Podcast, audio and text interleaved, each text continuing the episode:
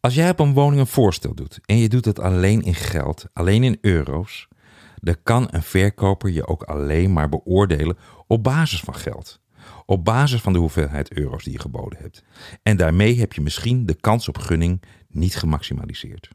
De Baas op de Woningmarkt podcast gaat over beter aankopen en succesvoller verkopen. Door niet maar af te wachten op wat er op de woningmarkt gebeurt, maar door juist zelf in actie te komen en initiatief te nemen en om zo het aan- of verkoopresultaat positief te beïnvloeden.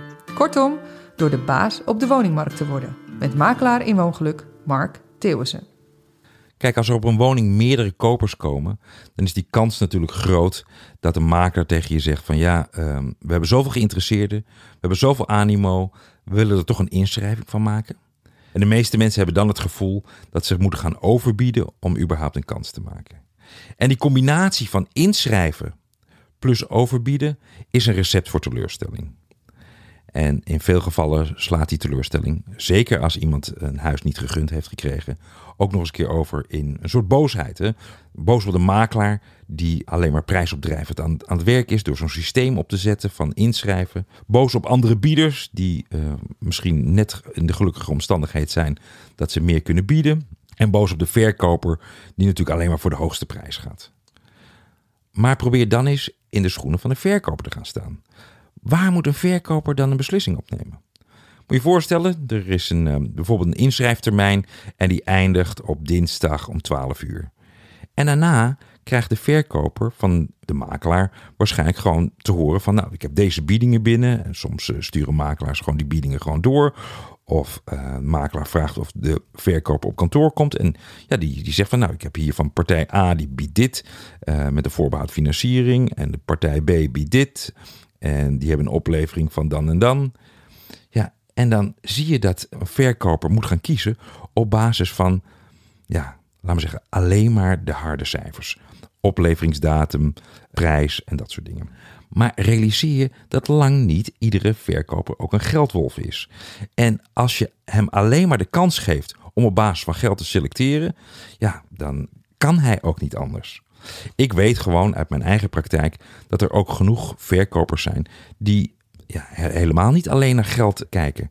Ik heb sommige verkopers die vragen mij heel bewust van... Mark, ik wil dat uh, je een onderscheid maakt tussen particulieren en tussen handelaren. Want ik heb geen zin om een handelaar mijn huis te laten kopen... en, en dan mijn buren te confronteren dat mijn huis een huurhuis gaat worden... waar iedere vier, vijf maanden andere mensen in zitten. Ik heb daar twintig jaar in dat buurtje gewoond... en ik kom mijn buren nog steeds tegen. En ik wil niet dat ze op de markt uh, uh, me aanspreken en zeggen... Goh, wat heb jij nou voor een... Uh, aan welke idioot heb jij nou je huis verkocht? Want er zijn iedere keer andere buren. Dus een verkoper die kijkt natuurlijk wel naar prijs, maar kijkt vaak ook naar andere dingen. Maar dan moet hij ook die andere dingen kunnen zien. Want uiteindelijk wil een verkoper wil niks anders dan een goede koper. En wat is nou een goede koper in de ogen van een verkoper? In de eerste instantie gaat het natuurlijk om prijs. Maar een goede koper geeft ook zekerheid.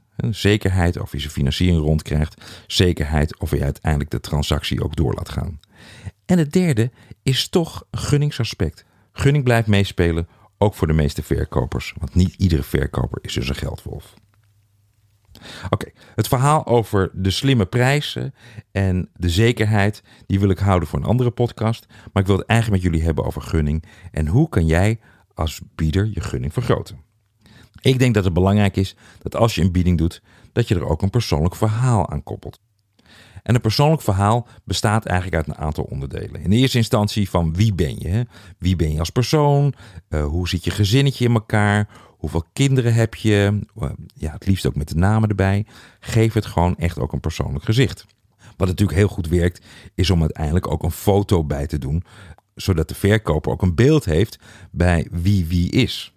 Um, je kan ook iets vertellen over je achtergrond. Uh, waar woon je nu?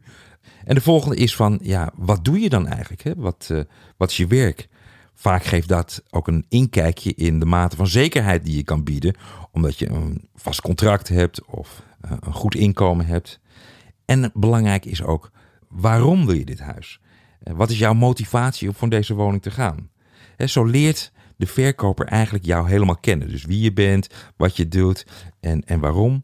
En in die motivatie kan je natuurlijk heel goed jouw redenen vertellen van Dit is bijvoorbeeld de reden waarom ik in deze buurt wil komen wonen. Of wij in deze buurt kunnen wonen. Hè.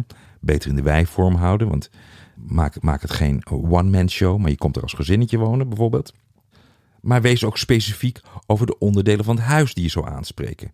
Dat is, dat is fijn voor de verkoper om te horen. Want de verkoper vindt helemaal niet leuk om te horen dat ja, je, je eigen huis helemaal afkraakt. De verkoper vindt het natuurlijk veel leuker om te horen wat alle pluspunten van zijn huis zijn. En dat iemand enthousiast over zijn woning is. Enthousiasme is sowieso een belangrijke voorwaarde om gunning te creëren. Want iemand die enthousiast is, die zal zich niet zo snel bedenken in de drie dagen bedenktijd. Zal beter zijn best doen om zijn financiering rond te krijgen. Ja, en dat is misschien wel de ideale koper. Dus laat je enthousiasme ook in je persoonlijke verhaal doorklinken. Maar er is nog een manier waarop je dat kan doen. En dat is misschien wel het persoonlijke verhaal 2.0. En dat is maak een vlog waarin je jezelf blootgeeft. Maak een vlog waarin je je eigen persoonlijke verhaal vertelt. Samen met je vrouw, samen met je kinderen. Laat iedereen aan het woord komen. En laat ze ook weer hier vertellen van wie jullie zijn, de namen erbij, uh, wat jullie doen. En vooral ook weer de motivatie om voor deze woning te gaan. Ik snap best dat dat spannend is, maar over het algemeen is mijn ervaring dat verkopers dat super leuk vinden, super enthousiast van worden en in sommige gevallen ook persoonlijk reageren op mensen die zo'n vlog, die de moeite genomen hebben om zo'n vlog te maken. En zelfs al word je uiteindelijk niet gekozen als de uiteindelijk een koper, op het moment dat jij een persoonlijk antwoord van de verkoper krijgt, is dat in ieder geval bevredigender dan een telefoontje te krijgen van een makelaar: u bent het niet geworden. En zo blijft zo'n aankoopproces een stuk plezieriger dan dat je het idee hebt dat het een hit en een mis is. Dat het schieten met hagel is en dat de kans heel erg klein is. Kortom, met jezelf uit de anonimiteit trekken en jezelf een gezicht geven tijdens een bieding, ben je misschien niet tref zeker dat je de koper van een huis wordt. Maar dan weet je wel dat je er zelf het optimale aan gedaan hebt en dat je daarmee je gunningskansen vergroot hebt. En zo word jij baas op de woningmarkt.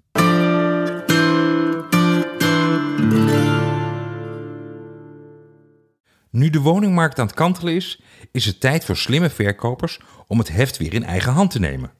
Om de juiste kijkers aan te trekken en van hen ook goede kopers te maken, heb je een doordachte marketingstrategie nodig met een onderscheidende presentatie.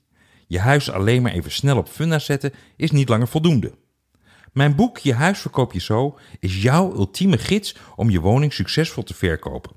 Met een compleet stappenplan en waardevolle verkooptips en tricks van een makelaar met meer dan 20 jaar ervaring. Ontdek hoe jij jouw ideale doelgroep bereikt en daarmee je verkoopkansen vergroot. Leer hoe je een juiste vraagprijs bepaalt, een emotionele klik creëert tussen potentiële kopers en je huis en hoe je professioneel onderhandelt.